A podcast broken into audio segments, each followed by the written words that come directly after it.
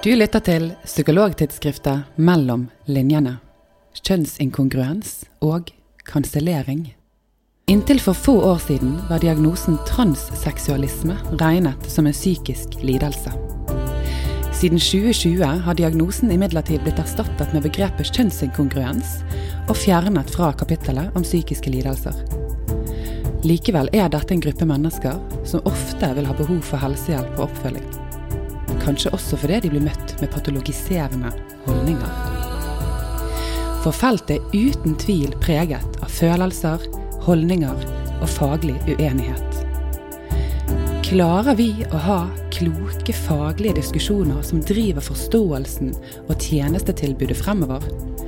Eller risikerer vi å henfalle til egne fordommer, gå i skyttergravene, eller til og med kansellere meningsmotstandere?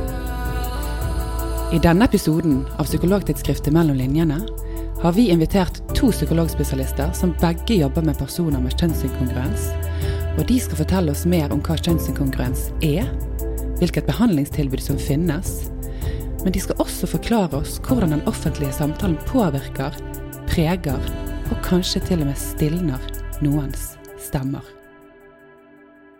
Jeg heter Heide Wittrup Djup. Jeg er psykologspesialist og redaktør i Tidsskrift for Norsk Psykologforening. Sammen med meg i studio i dag har jeg Martin Rosmo Hansen, som er psykologspesialist og koordinator på Regionalt senter for kjønnsinkongruens i Helse Sør-Øst. Og jeg har også med meg Asle Offerdal, også han psykologspesialist, med egen praksis i Oslo, der hovedvekten av eh, dine pasienter da er pasienter som opplever kjønnsdysfori eller kjønnsinkongruens. Men du har også tidligere jobbet på Rikshospitalet, der de nasjonale behandlingstjenestene er. Og så har også sittet i en del av disse utvalgene som Helsedirektoratet og Helse Sør-Øst har hatt i prosesser tidligere.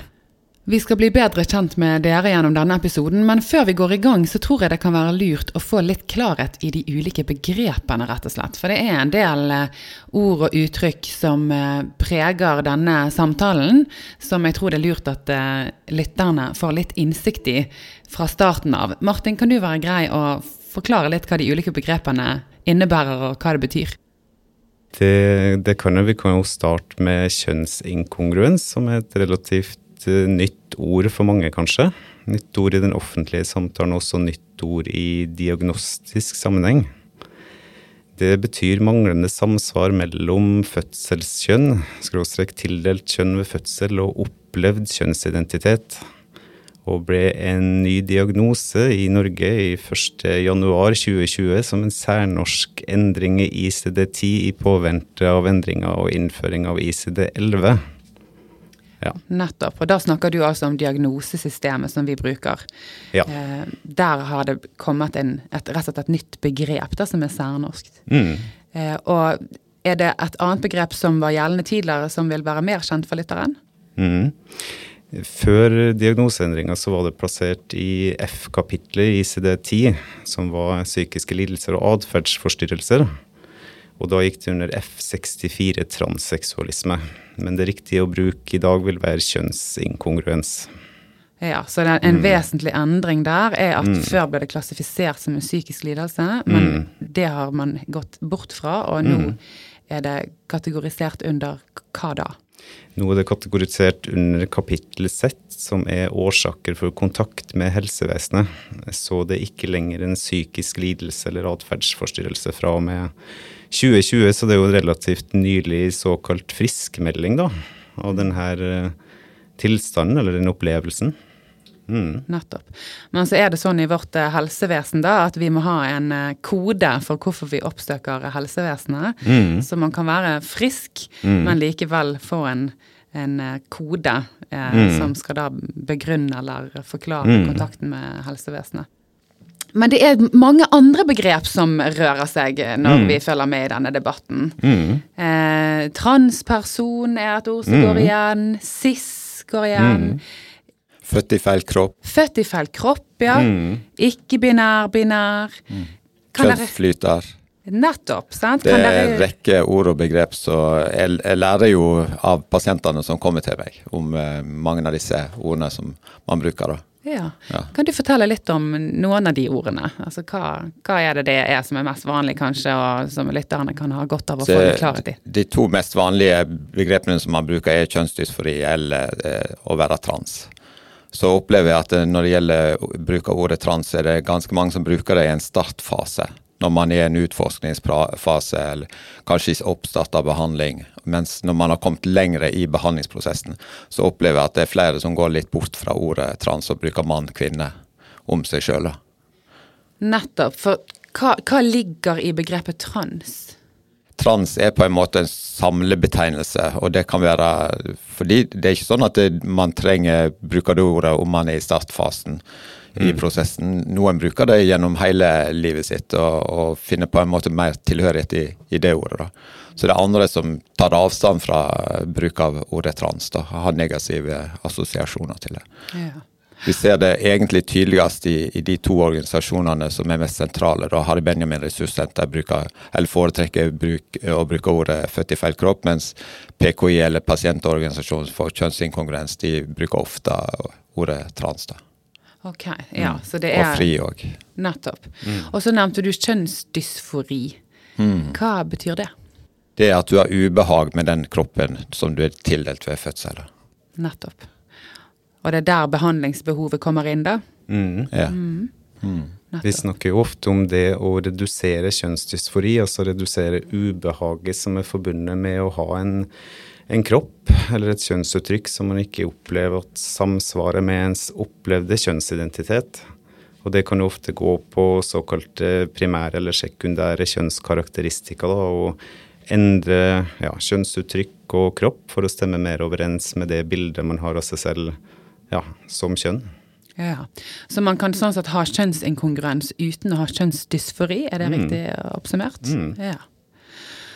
Ok, og så et kanskje begrep til som er greit å bare rydde litt i, det er binær og ikke-binær. Mm. Hva betyr det? Binær er at du har en identitet som mann eller kvinne. Uavhengig av hvilken kropp du er tildelt ved fødsel. Og ikke-binær er at du enten definerer deg som mann og kvinne, eller verken mann eller kvinne. Ja, Så det kan også da på en måte være litt sånn flytende kjønnsopplevelser? Ja. Ja. Mm. Binær er vel mer etter tokjønnsmodellen, der man tenker at det finnes to kjønn, og at det er det som eksisterer. Ikke-binær kan jo også definere seg utenfor, ikke sant, som et tredje kjønn, eller som en mer en flytende opplevelse av kjønnsidentitet. Nettopp. Sånn at når vi har denne binære forståelsen, eller den tokjønnsmodellen, da, så f- innebærer det at man må velge. Du må være enten det eller det. Du kan ikke være litt av begge deler, eller, eller flyte mellom, eller Binær betyr jo todelt, så det ligger jo i den todelte opplevelsen av kjønn og kjønnsidentitet. Veldig bra. Da er vi litt eh, klokere på hva de ulike begrepene innebærer. Eh, og da har jeg lyst til å flytte oppmerksomheten mot den offentlige samtalen og oppmerksomheten som denne tematikken har fått de siste årene. Eh, for der har det jo skjedd noe eh, ganske betydelig. For tidligere så var det ikke så mye oppmerksomhet på dette, mens nå virker det som om dette er noe nesten alle har en mening om. Asle, du har jo jobbet lenge i feltet. Kan du si litt om hvordan dette her har utviklet seg i løpet av de årene du har jobbet med det? Jeg begynte å jobbe i dette feltet i 2001, så det var over 20 år siden. På den tiden var det absolutt ingen informasjon om det temaet. Det var kanskje én gang i året en artikkel i Allers eller Hjemmet. Eller, og, og faglig var det svært lite forskning på det det med kjønnsinkongruens, eller eh, transseksualisme, som det het den gangen. Da. Så, eh, og på Rikshospitalet så fikk man i underkant av kanskje 50 henvendelser, ikke så mange engang, tror jeg, årlig. Jeg jobba der i 2007-2008, og da tror jeg vi hadde en 60 henvendelser per år. Nå er det jo nærmere 800 totalt på barne-, ungdom- og voksenavdelingen.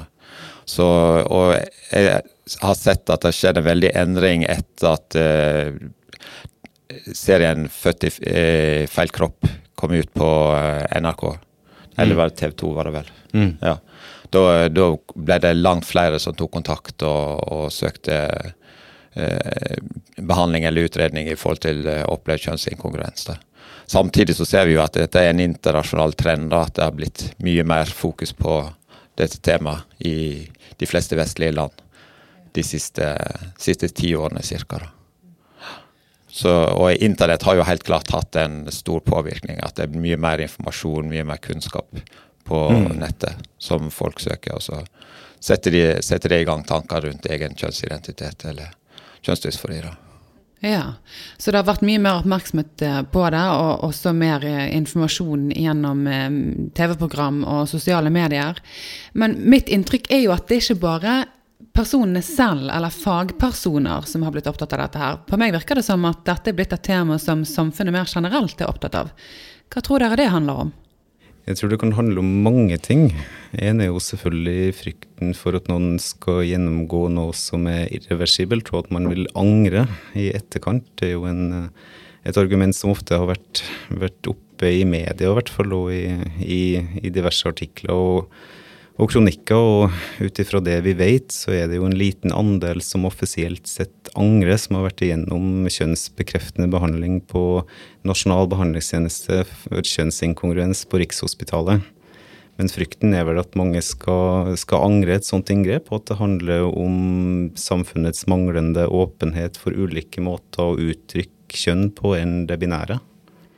Ja, altså Mye av debatten handler i stor grad om en frykt for at mennesker skal utsettes for en behandling som de senere angrer på. Da. Eh, hva er ditt inntrykk, Asle?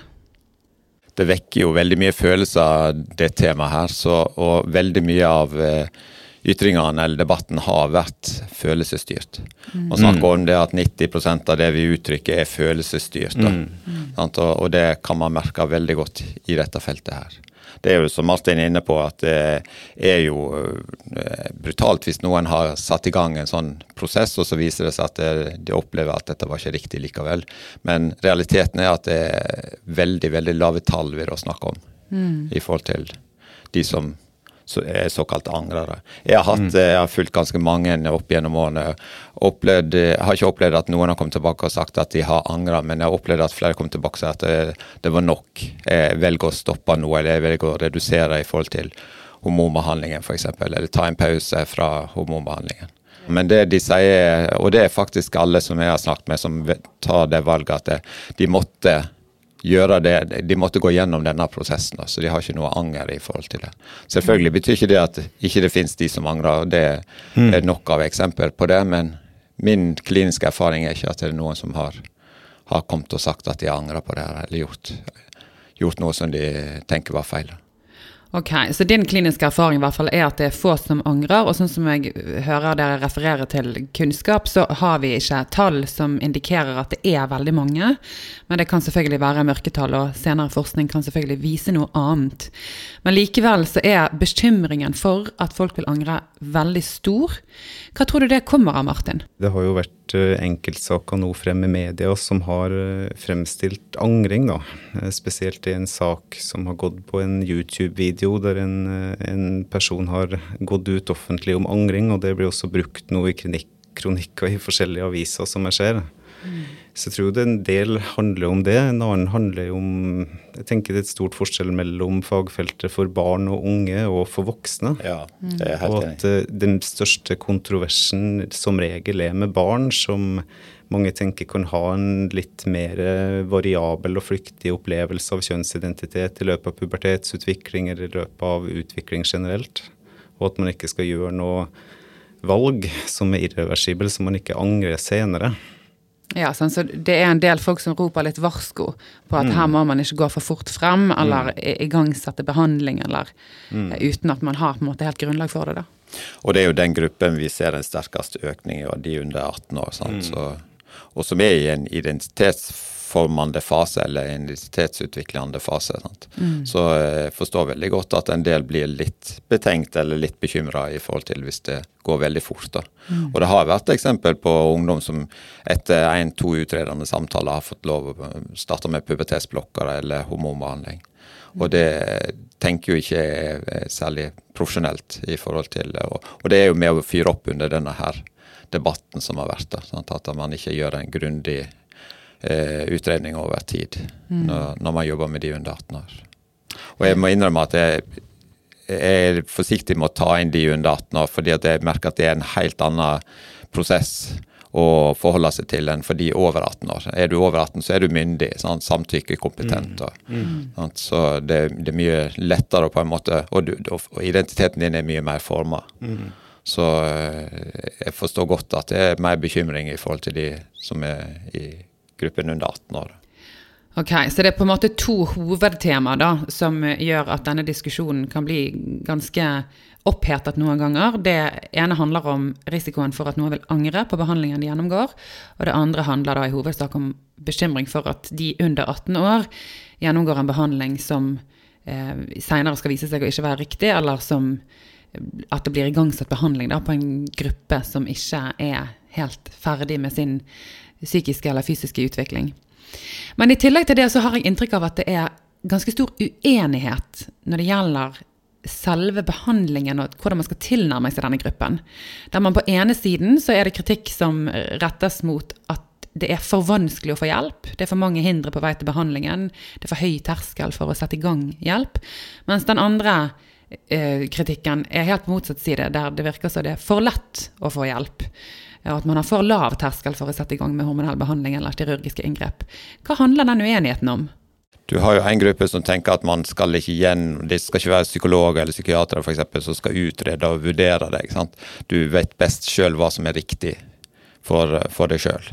Så, og det har vært et miljø som har vokst fram, særlig i Norge, syns jeg, da, i, i, forhold til den tilnærmingen i, i møte med denne gruppen her. Og så har du den litt mer forsiktige eh, tilnærmingen som er på Rikshospitalet, og observerer over tid. Sant? og uh, utfordrer de mye mer. Og, så, og hvor den andre gruppen syns at det blir å provosere, at man spiller, stiller for personlige spørsmål, f.eks. om seksualitet. Mm.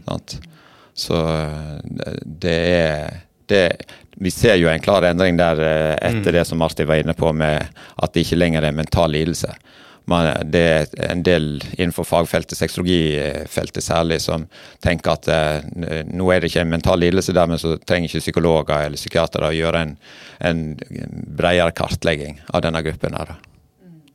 Og så, bruker de mer ord som transtalent, f.eks., for, for å støtte opp om at dette kan være noe positivt. Og tanken er jo veldig god. Jeg, jeg, tenker Vi må være veldig bevisst hvilket språk vi mm. bruker som behandlere, uansett om det er ta, eh, talent vi bruker, eller problematikk, f.eks. Jeg bruker mm. eh, kjønnstematikk som, som mm. begrep når jeg snakker med noen om det her. Ikke kjønnsproblematikk, som mm. en del bruker.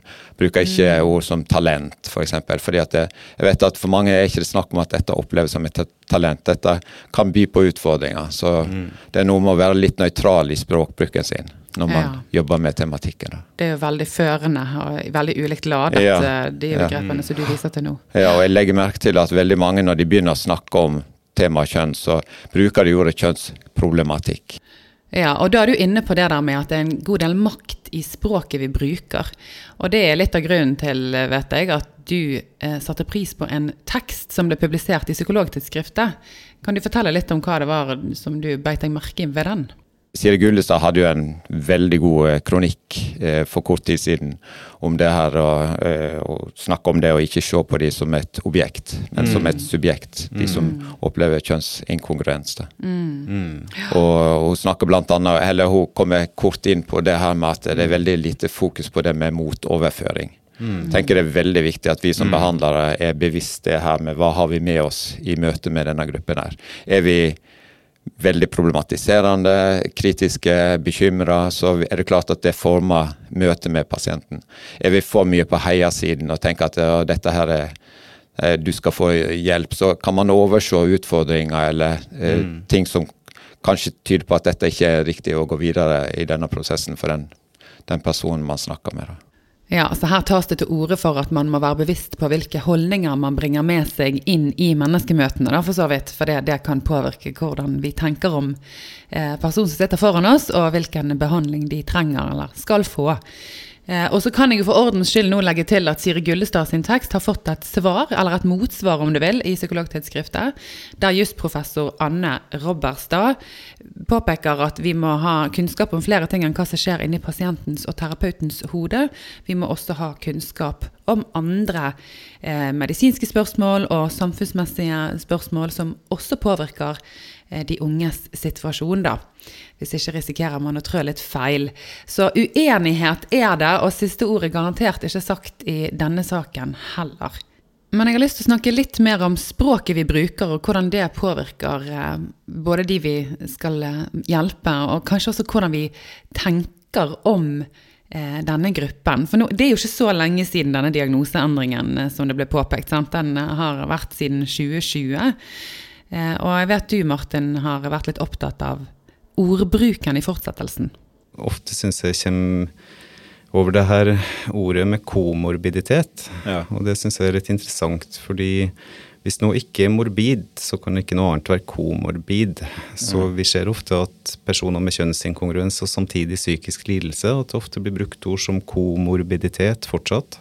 Mm. Altså samtidig psykisk lidelse og kjønnsinkongruens, ikke sant. Så språket henger litt igjen. Mm. Syns også jeg ser veldig mange henvisninger til fødselskjønn da, i, i henvisninger fra fastlege og andre. Mm. Og at man da ikke aksepterer pasienten sin opplevde kjønnsidentitet da, i den prosessen man tross alt er inne i når man henviser til et regionalt senter for kjønnsinkongruens eller Rikshospitalet eller ja, mm. det fortsatt kanskje henger litt igjen. Både en patologisk forståelse av det, men også en manglende validering av pasienten sin egen kjønnsopplevelse. Ja, og det er vel her det òg er litt uenighet, sant. Hvilke pronomen skal brukes, hvordan skal man ø, omtale klienten hvordan skal man validere opplevelsen uten å trø feil, hvis man ikke har utredet enda? Altså her har det vært en diskusjon som har gått i psykologtidsskrifter rundt dette med å validere eller å utforske, eller hvordan man skal forholde seg til dette her. Da. Men er etter ditt syn, da, Asle, hvor, hvor viktig er validering? Du må være åpen og du må være lyttende i møte med pasienten. Mm. Det er vel det aller viktigste du kan gjøre. Mm. Men kan man gjøre feil? Altså Kan man validere på en måte som gjør vondt verre? Det virker som det er en frykt da, i hermetegn for at eh, det skal få noen negative følger hvis man gjør nettopp det.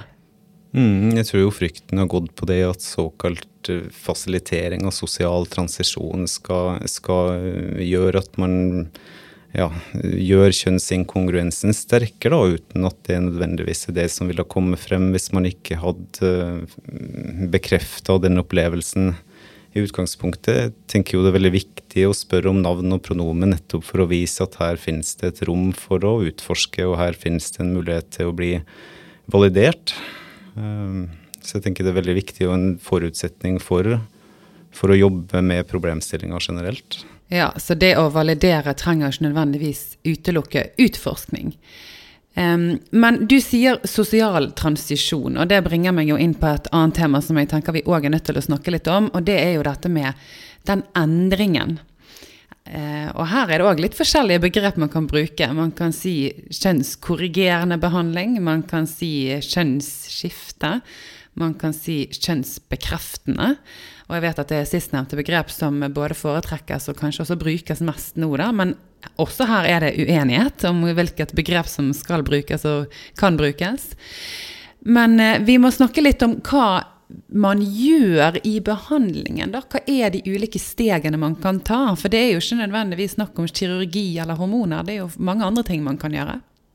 Det som jeg eh, har mye fokus på når jeg har noen til utredning, jeg utreder mange og henviser de videre til Rikshospitalet, det er at eh, de må komme i gang med virkelighetserfaringen, som det kalles, eller real life-testen, før eh, det er snakk om eller før jeg anbefaler oppstart med hormonbehandling. Nå er det ikke sånn at jeg anbefaler noe som helst. Min oppgave er ikke å legge noen føringer for hva som skal skje videre, men gjøre en kartlegging, en, en utredning.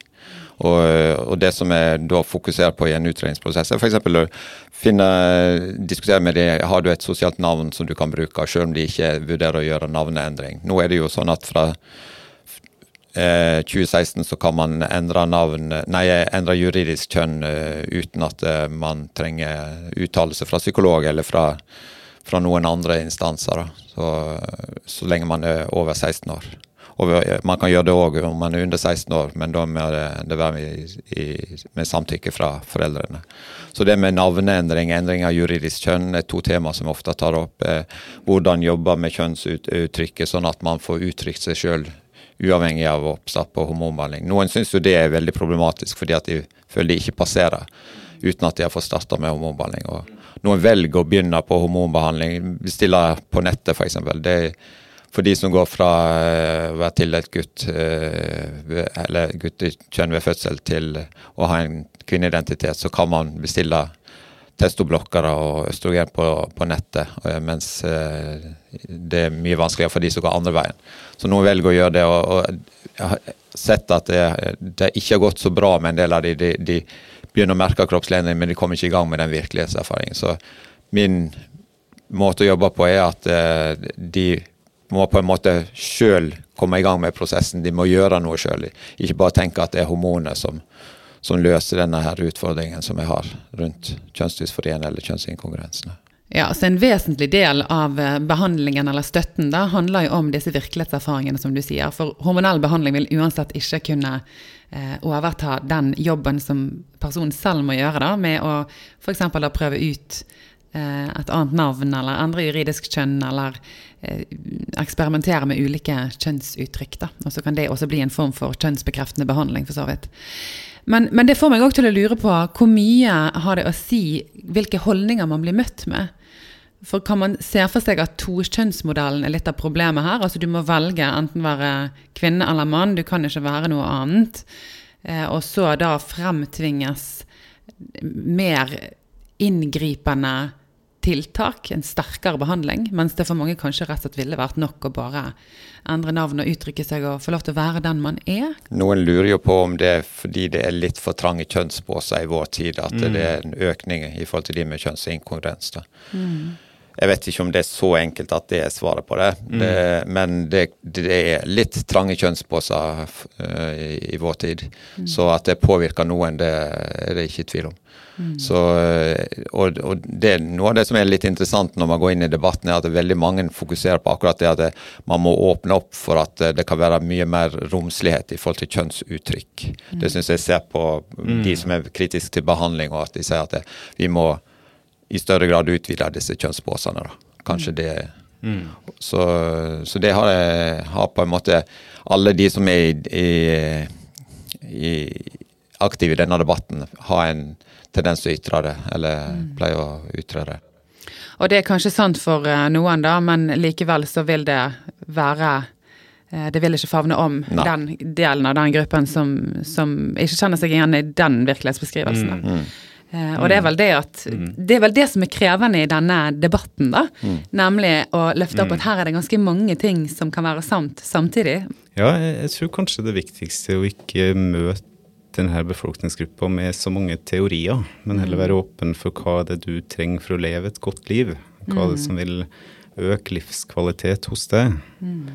Og det kan selvfølgelig være kjønnsbekreftende hormonell og kirurgisk behandling, eller kjønnsbekreftende hormonell eller kirurgisk behandling, eller bare hjelpemidler, tilgang til det, som hårfjerning eller proteser, eller ting som gjør det mulig å prøve ut, eller bli møtt av samfunnet mer som man opplever sin egen kjønnsidentitet. Så jeg tenker det er viktig å legge de store teoriene til side, og heller være åpen og lyttende og prøve å bygge, bygge en forståelse nedenfra og opp. Ja, og dere er egentlig begge inne på det samme her nå, nemlig at noe av oppfølgingen og støtten til denne gruppen handler jo om at de skal gjøre seg erfaringer med virkeligheten og det samfunnet som er rundt dem. Og det gir meg jo òg et stikkord her, nemlig samfunnet rundt. Hvordan de blir møtt av det samfunnet. Eh, hvilke holdninger som preger omgivelsene, og, og hva slags eh, samfunn de faktisk tar del i. Da. Og du Asle, har jo jobbet lenge i feltet, og har vel kanskje også sett en viss utvikling fra da du begynte. Men kan du ta oss tilbake igjen til din begynnelse? Hvordan har denne gruppen historisk sett blitt behandlet? Jeg husker når jeg begynte å jobbe i dette feltet, så var det sånn at hadde man den diagnosen transseksualisme, så fikk man automatisk uføretrygd. Det var ikke forventa at du skulle klare å fungere i en jobbsituasjon. Eh, og dessverre, hvis vi går litt lenger tilbake på 70-, 80-, 90-tallet, så var det en del av de som var i prostitusjonsmiljøet òg. Det var den måten de kunne overleve på.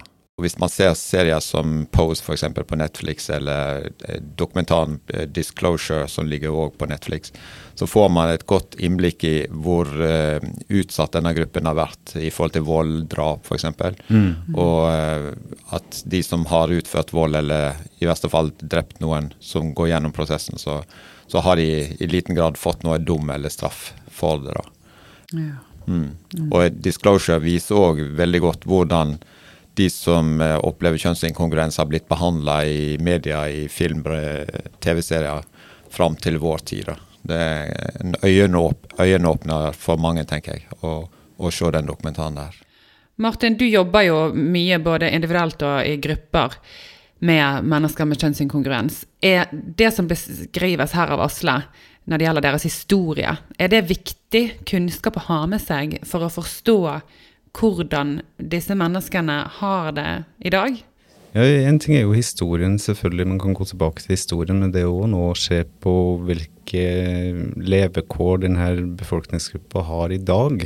Det med opplevelser av minoritetsstress, det å bli utsatt for fordommer og diskriminering. og det kan også føre til mer psykisk uhelse i dag. Så det er jo en sårbar gruppe som, som også tradisjonelt sett har oppsøkt helsevesenet i mindre grad i frykt for å bli patologisert. Mm. Så, så, historien er i aller høyeste grad også til stede i dag, tenker jeg da. Mm. At det ikke blir en sånn hvilepute, eller at vi tenker noe som det har blitt tatt ut av kapittel F i CD10, så er, så er alt i orden. At det fortsatt er mye som er å gjøre på området med likestilling og likeverdige helsetjenester. Ja, og Det du sier der er vel nettopp grunnen til at dette er et tema som engasjerer psykologer eh, mye i dag, da. For det at selv om, som du sier, kjønnsinkongruens er ikke eh, en psykisk lidelse, så er det likevel mye som angår deres psykiske helse, som vi både bør og kan si noe om. Men det bringer meg jo òg litt over til hvordan det er å være fagperson her. For dere peker jo begge på at det er mye holdninger som preger feltet. Og det å jobbe med minoriteter kan jo noen ganger være litt eh, krevende. Og jeg vet du, Asle, da du skrev din eh, semesteroppgave eh, i sin tid, da du var student, så skrev du om psykiske problemstillinger som knytter seg til det å komme ut som homofil. Og da du hadde levert din oppgave, så fikk, du, fikk jo du faktisk litt reaksjoner. Kan du fortelle hva som skjedde etter du hadde levert oppgaven din? Under den muntlige sansen så sa jeg at jeg vurderte å gå videre og skrive en hovedoppgave med tema eh, selvmordsproblematikk, eller selvmord eh, blant eh, homofile. Mm. Og så grep han tak i meg etterpå og sa at han ville egentlig anbefale meg at jeg ikke gikk videre på det, for det var et så marginalisert tema. Jeg ble anbefalt å bare legge det bort. Ja. Nå gikk jeg videre med det, og det har jo blitt mye fokus på akkurat det med, mm. med selvmordsproblematikk blant uh, skeive, altså mm. LHBT mm. pluss-gruppen. Og det der er jo på en måte en helt, Vi snakker om kanselleringskultur i dagens samfunn, men det er jo òg en liksom egen måte å kansellere på. da, for Vi tenker jo kanskje på den aggressive, høylytte måten å diskutere eh, sensitive temaer på. Mm. Men det er òg disse her rolige, lavmælte hviskene i øret. Mm. Ikke snakk om det. Mm. Ikke gjør det. Du burde ikke tatt det opp der. Mm. Det var ikke riktig fora. Et godt råd til deg, ikke skriv den oppgaven. Eh, mm. så er, er det sånn eh, fortsatt eh, litt i dag på dette temaet også? Dette temaet berører jo veldig mye holdninger. Sant? Så mm. det, er klart at det vi uttaler er veldig berørt av holdninger. Det som er litt interessant i forhold til å se på de som jobber med, med temaet kjønnsdysfori eller kjønnsinkongruens, er, er, veldig ofte andre som er skeive på andre måter, da, homofile eller lesbiske. Uh, og det har vært litt diskutert i fagfeltet. Er det sånn at vi på en måte klarer å være litt mer observerende, mer nøytrale mm. i forhold til møtet med denne gruppen, da, når vi sjøl er skeive? Mm. Så mm. Jeg tenker at det er fordi det er mange andre som ikke dessverre finner det så engasjerende å fordype seg innenfor dette fagfeltet. Mm. Og så er det noe med at vi som eh, homofile eller lesbiske f.eks. Eh, har fått kjent på hvordan det er med utenforskap eller være en marginalisert gruppe. Mm. Mm. Derfor blir mer engasjert i forhold til andre marginaliserte grupper. Da. Men kanskje det også innebærer en del utfordringer? Altså både for pasientens del, da, som ikke da har så veldig mange fagpersoner å velge blant.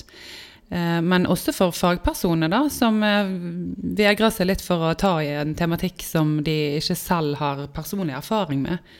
Jeg får jo henvist pasienter fra hele landet, og jeg merker at veldig mange har prøvd å få kontakt med en lokal behandler først, og så blitt avvist. Og veldig ofte med den begrunnelsen at dette temaet kan jeg ingenting om. så jeg vil anbefale deg at du heller tar kontakt med f.eks. meg, da, eller mm. noen andre som mm. jobber i dette feltet. her. Og det, det syns jeg er veldig synd. Det er ikke sånn at det krever noe spesiell kunnskap å gå inn i dette feltet. Du må møte denne gruppen som du møter alle andre grupper som kommer i, til utredning eller i behandling. Da. Ja, det høres jo både riktig og egentlig litt ukomplisert ut. Men likevel så virker det som det blir vanskelig. Hva tror du Martin er grunnen til at mange vegrer seg fra å gå inn i dette her? Nei, det er jo mange som vegrer seg for å, for å, snakke om det, og ikke minst for å ta imot pasienter med det. Det har jo kanskje vært en uønska effekt av, av, det at, at kjønnsinkongruens ble tatt ut av F-kapitlet, er jo at stadig flere avvises fra DPS og også henvises til oss på regionale senter og, og tenker at dette er en så spesiell problemstilling at det krever en veldig spesialisert kunnskap. Så vi prøver jo i aller fleste tilfeller å veilede og undervise og hjelpe behandlerne til å få litt bedre selvtillit på området. da. Mm. Men samtidig skape en bevissthet om at her finnes det kanskje noe som, som ikke er så kjent for deg som behandler fra før, et kjønnsmangfold. ikke sant? For det med kjønnsnøytralt språk, kanskje bruk av ja, valgfritt uh, kjønn og, og, og pronomen. Mm. Sånne ting som, som, gjør at man kan skape en faglig selvtillit hos den enkelte også. Mm. Men, men, blir vi litt sånn smittet av det offentlige samtaleklimaet også, når det er for mye fokus på at her kan man gjøre mye feil, eller um, altså, Blir vi redde og rett og slett påvirket av det som måten det snakkes om rundt oss? Når jeg har snakket med kollegaer, så er det en del av de som uttrykker redsel for at de skal eh, gjøre en feil vurdering. Mm. Og så prøv å forklare dem at du, du, skal ikke gjøre noen anbefaling for hva som skal skje videre, du skal gjøre en kartlegging. Mm. En beskrivelse av hva er tematikken her, sant? eller eventuelt problematikken. Da, mm. Og så henvise videre f.eks. til Rikshospitalet, da, som er den nasjonale behandlingstjenesten som vi har i Norge. Mm. Så, og en del eh, som kommer til meg, har gått kanskje to-tre år eh, til samtaler på f.eks. Eh, en DPS eller en BUP. Og så eh, har psykologen hele tiden sagt nei, jeg er ikke klar for å henvise deg enda. Og Så når jeg har mm. snakket med den mm. psykologen, så er det at ja, nei, jeg er redd for at jeg, jeg skal eh, måtte stå til ansvar for eh, at, hva som skjer eventuelt hvis denne pasienten ikke skulle gå videre, eller angre seg, da, som, eh, som, har vært mye fokus på nå i det siste. Mm. Så, og det, da tenker man ikke helt har forstått eh, oppgaven sin som, eh, mm. som psykolog. da. Nei, nettopp, for det er ikke det som forventes på det tidspunktet i oppfølgingen. da. Men du peker jo på noe interessant, og det er jo nettopp det at man som psykolog så kan vi bli ganske påvirket av eh, samtalen rundt oss, da, og at det griper litt inn i tryggheten vår som terapeut eller vurderingene vi gjør oss. Og da særlig dette fokuset på risikoen for å angre, og risikoen for slett gjøre noe feil. Da, at det skaper en del usikkerhet i hvordan man skal vurdere eller følge opp pasientene. Men det er jo en del andre diskusjoner også som knytter seg til dette temaet som vi nå har oppe. Og det er jo hva som blir følgende av at man skal kunne eh, endre juridisk kjønn f.eks., eller få kjønnsbekreftende behandling. Hva handler de diskusjonene om, egentlig? Jeg har noen meninger i forhold til det. for Det, det er mm. to temaer som ofte har gått igjen. Det er det at eh, særlig eh, transkvinner går i kvinnegarderoben. da, mm. Som eh, veldig mange blir pro, eller opprørt over. Og Realiteten er jo at eh, de som har en kvinneidentitet og fortsatt har eh, en mannskropp, eller delvis en mannskropp, de vil unngå å gå i en kvinnegarderobe. Og om de går der, så dekker de seg til, i hvert fall under livet. Mm, mm. Så på en måte så er det her med skrekkscenarioet som de tegner der, det er helt urealistisk i forhold til hva vi ser eh, i møte med denne gruppen her. Mm. Og så er det andre som har vært mye diskutert, det er, og særlig eh, transkvinner sitt inntog i eliteidrett, eh, mm. og at de har noen mm. fordeler fysisk der. Da, mm. Så, eh, og jeg har vel møtt nærmere 500 eh, personer i løpet av den tiden jeg har jobba, uh, som går gjennom prosessen. Og ingen av de er på å drive med eliteidrett. Jeg, jeg, må virkelig jobbe for å få de i gang med å drive med fysisk aktivitet. Så, ja. mm. så det, det, det tar altfor mye fokus, de her to temaene, som egentlig er svært marginaliserte eh, temaer. Men bare som det er sagt, det er jo klart en utfordring. Men man kan ikke åpne opp for at de som har en bare endra juridisk kjønn, skal få, lov å delta en, eh, i, i kvinnegruppen mm. innenfor idrett. Man, man, må ha noen regler der i forhold til hormonnivå, f.eks. Så det du peker på, indikerer jo at her trengs det noen ganske gode, saklige, faglige, konstruktive samtaler for å komme frem til noen eh, løsninger. Både når det gjelder dette med eliteidrett, men egentlig også når det gjelder utredning og behandling og tilgang på helsetjenester. Det er jo fortsatt en del eh, usikkerhet og uenighet egentlig på feltet, høres det ut som, og mye man kanskje ikke helt vet. Og så har dere også pekt på det at holdninger og fag henger litt sammen. Og det er kanskje ikke alltid så lett å skille det ene fra det andre. Men for å nå det målet da, om å finne frem til gode løsninger og god behandling og god forståelse av denne tematikken, så krever det jo for så vidt også en god faglig drøfting.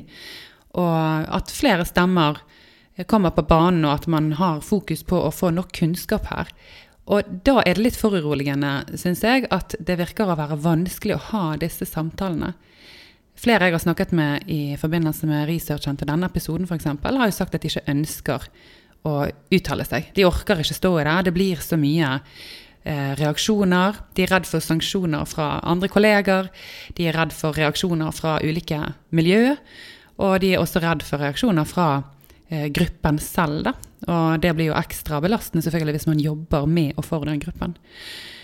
Og kan dere forklare litt, Hva er det som gjør at den offentlige samtalen blir så vanskelig noen ganger? Ja, kanskje vanskelig å, å, prøve å forklare det, men, men, å prøve å kunne se hva som kan være frykten forbundet med å, å, drøfte det med kjønn, og hvilke kjønn som finnes, og hvilket kjønnsmangfold vi, vi anerkjenner eksistensen av. Så tror jeg det er veldig mange som oppleves lite validert og fortsatt sett på som syk. Eller det å ikke eksistere. Det å ikke finnes. At det blir et resultat av en en offentlig samtale som, som ofte dreier seg rundt uh, om transpersoner finnes eller ikke. Mm. Mm. Så, så, jeg tenker jo at det ligger en del, ikke nødvendigvis ubevisste fordommer, men det ligger en del manglende kunnskap og en del, som vi har vært inne på tidligere, det her med at uh, holdninger kanskje blir forkledd som faglighet, og at vi må erkjenne at vi har rett og slett veldig lite forskning uh, på denne gruppa. Spesielt det med, med angring, som vi var inne på tidligere, som også er opp som en, myte på området, tenker jeg, når man ser de reelle tallene opp imot hvordan det argumentet ofte benyttes i, ja, i den offentlige samtalen. Mm.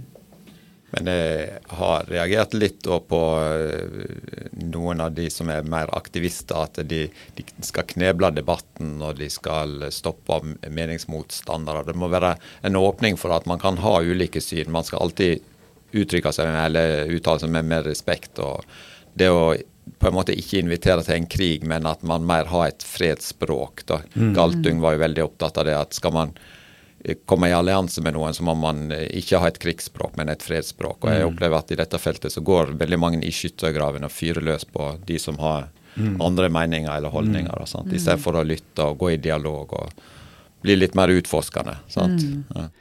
Ja, for Denne typen eh, faglig uenighet eller debatter da, kan jo komme til uttrykk på litt ulike måter. Altså Nå er jo du inne på litt den opphetede varianten, sant? der det blir mer sånn krigsspråk istedenfor det fredsspråket som du tar til orde for.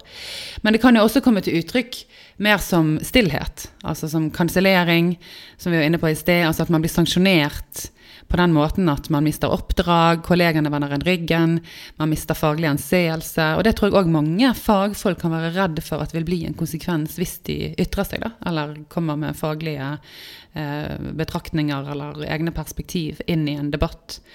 Pål Grøndal for eksempel, skrev jo en tekst i Psykologtidsskriftet som lytteren eventuelt kan lese om ønskelig, om nettopp dette, der han hadde kommet med noen faglige innspill, og så fikk det konsekvenser for hans eh, arbeidsliv. Og dere har jo observert denne offentlige samtalen lenge. Dere har også til dels deltatt i den. Og hva er det som kjennetegner debatten som knytter seg til kjønnsinkongruens og transpersoner og behandlingen av de? Altså, er det, hvordan er det den ser ut? Det som jeg syns har vært problematisk, er at det er jo veldig polarisert. Så du blir mm. plassert enten på den ene siden eller på den andre siden. sant? Og det har, for å gå litt mer konkret inn på det, vært to behandlermiljø. Du har det som har vært innenfor det sexologimiljøet og helsestasjonen f.eks. Eh, og så har du hatt Rikshospitalet på den andre siden. da, sant?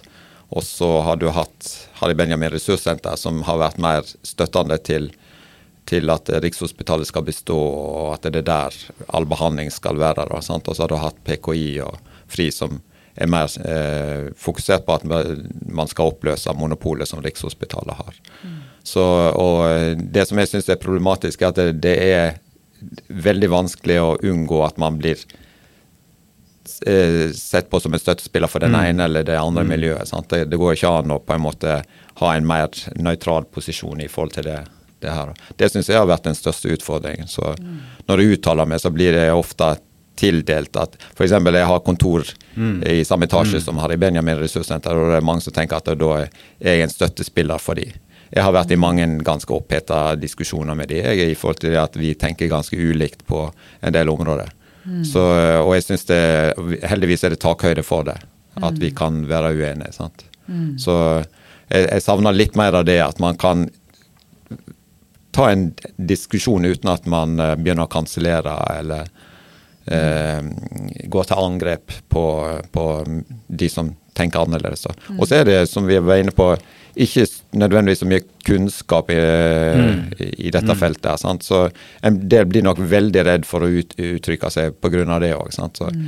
Jeg syns jo det er bare fint når folk spør meg litt i forhold til det, og, og sier ja, jeg vet ikke om det er lov å spørre om det og det. Så sier jeg at hos meg kan du spørre om alt. Mm. Og det er ingenting som er riktig eller galt i forhold til hvilket ord du bruker. Det er mm. dessverre blitt litt sånn at hvis du bruker ordet trans overfor noen, så er det nok til at de kansellerer deg. Eller mm. hvis du bruker født i feil kropp, så er det nok til at du blir mm. plassert i den andre gruppen i den polariserte debatten. Da, mm. Og da, blir det fryktelig trangt, eh, eller en veldig smal sti du beveger deg på, da, mm. før du trør feil. Mm. Men er det sånn da at det er rett og slett vanskelig å være fagperson, og det å ha faglige diskusjoner innenfor dette temaet? En faglig debatt tenker vi burde ønske velkommen, men da må vi òg passe på at det er faglighet vi driver på med, og ikke bare holdningsbrytning. Jeg tenker jo at det er sterke paralleller også til en del av den tematikken som, som LHB-bevegelsen har stått overfor, historisk også lesbiske, homofile, bifile, ikke sant. Eh, hvordan ser vi det her med diskusjonen rundt eh, adopsjonsrett, likekjønna ekteskap, eh, konversjonsterapi? Ehm, ytringer som, som, er såkalt faglige på det området, vil jo også være veldig potensielt sett krenkende og invaliderende for mange. Men gjør dette at dere må legge bånd på dere selv i diskusjoner om dette temaet? Dere er jo tross alt fagpersoner inn i dette feltet. Eh, og det er jo viktig, den oppfordringen som du kommer med der, Martin, at man skal skille mellom faglige meninger og det som på en måte bare er holdningsbasert og emosjonelt. Men må dere legge bånd på dere selv? Jeg har, jeg har, hatt en del runder med meg sjøl i forhold til det der, fordi jeg har dempa ned den delen av meg som kanskje er litt mer aktivistisk. Da, fordi jeg tenker jeg har en rolle som psykolog. Mm. Jeg må, mm. det, når jeg leser noe som opprører meg, f.eks., så uttaler jeg meg aldri, skriver jeg aldri en kommentar eller et svar på det. fordi jeg tenker ikke la følelsene styre det du uttaler, gå noen runder med deg sjøl før du sånn at det blir mer faglig forankra, ikke så emosjonelt forankra. Det er klart, mm. det vekker mye følelser i oss alle, det har du garantert mm. kjent på du òg, Martin. Mm, sant? Og, absolutt, absolutt. Ja, så uh, passer på at ikke man eh, holder på å si spyr ut av seg alt det man kjenner på i forhold til det her. Mm. Men uh, at vi har en rolle som psykolog, og den må vi ta på, på, ansvar. Jeg er veldig forsiktig med hva jeg skriver på sosiale medier, f.eks. For eksempel, fordi at jeg mm.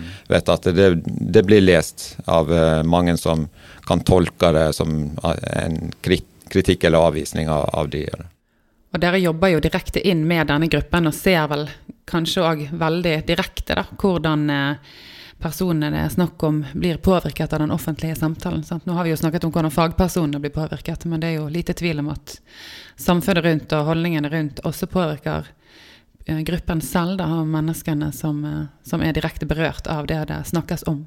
Eh, etter drapene 25.6 i 2022, mm. så jeg skulle egentlig begynne på ferie den helgen der, eller det var første helgen i ferien min. Og den måtte jeg avbryte fordi det rant inn med meldinger fra pasienter som uh, hadde blitt veldig urolig, fått masse angst. Uh, ja. Og så, uh, når jeg snakket med de de nærmeste dagene, da, så var det mange som følte at det, det ble på en måte uttrykk for den redselen som de har gått og kjent på i mm. så mange år. Da, at mm. det har vært utsatt for angrep. Og det mm. verbale angrep i media er som skudd for noen av dem. Mm. Så når det her skjer, så treffer det veldig, veldig hardt. Ja, og det vet jeg er din erfaring også, Martin, at hvordan man omtaler denne gruppen der ute i samfunnet, får direkte betydning i disse menneskenes liv da, og inn i det terapeutiske arbeidet dere også gjør. Vi bruker jo veldig mye tid på å snakke om det i de gruppetilbudene vi har gående på regionale senter. Altså hvordan det med, med ytringer i media, hvordan det med kritiske kronikker påvirker den enkeltes opplevelse av sin identitet som negativ eller positiv. ikke sant? Det er med internalisering av samfunnets fordommer. Mm. Internalisering av transfobi. Mm. Så, så, vi har jo i aller høyeste grad også et ansvar for det vi sier, mm. og dem det treffer. Og så skulle jeg gjerne ønske at flere så gleden ved å jobbe i dette feltet. Jeg, jeg, har ikke snakket med deg om det, Martin, men mm. jeg vil ikke bli så overraska om du òg kjenner at dette er et veldig spennende felt å få lov å jobbe innenfor. Mm. Eh, utrolig glad i jobben min, og særlig pga. at jeg jobber med akkurat den tematikken her. Da, mm. Det er derfor jeg har valgt å jobbe med, med særlig den gruppen. Mm. Det, når de får uh, bli møtt med en lyttende, mm. empatisk uh, samtalepartner, så ser jeg en veldig fin utvikling hos dem. Mm. Så det gir veldig mye. Jeg syns det skal få være de siste ordene i denne episoden. Eh, for det er så viktig det du sier der. At det gir veldig mye å jobbe med denne gruppen. Og også det at du fremhever hvilken betydning det har å bli møtt med noe så grunnleggende som respekt og empati. Dere har i denne episoden gitt oss mer forståelse for hva kjønnsinkongruens er, og ikke minst hva det ikke er. Noe som kanskje kan bidra til at andre som jobber i hjelpeapparatet, har fått mer innsikt i hvordan man kan nærme seg arbeidet med denne gruppen. Samtidig har dere pekt på en del utfordringer i den offentlige samtalen, og hvilket ansvar som påhviler oss alle, men kanskje særlig oss fagpersoner, når vi diskuterer og omtaler denne tematikken. Det har vært veldig nyttig og veldig verdifullt. Tusen takk for at dere stilte i studio og delte av deres erfaringer og kunnskap. Og ikke minst takk til dere som hørte på, på gjenhør.